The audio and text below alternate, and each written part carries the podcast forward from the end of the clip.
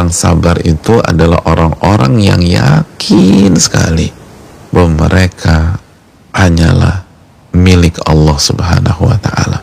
Yatasarrafu fi abidihi bima yasha dan Allah bertindak dan melakukan apa yang ia inginkan terhadap hamba-hambanya. Kita hanya hamba yang nggak punya apa-apa.